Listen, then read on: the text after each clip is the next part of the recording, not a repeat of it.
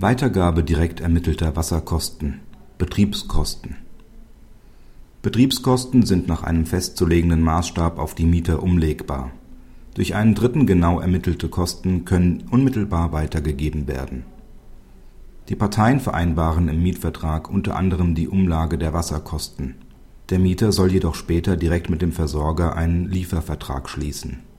Als er dies unterlässt, rechnet der kostenbelastete Eigentümer die vom Mieter verbrauchten und vom Versorger gemessenen Wassermengen unter Angabe der Zählerstände neben den anderen Betriebskosten ab. Der BGH meint, dass die gewählte Abrechnungsmethode nicht zu beanstanden ist. Sie entspricht dem Grundgedanken des § 556a Absatz 2 BGB.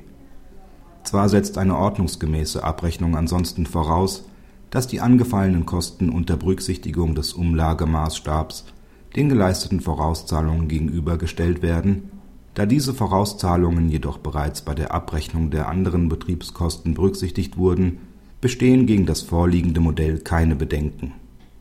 Praxishinweis Der Entscheidung ist zuzustimmen.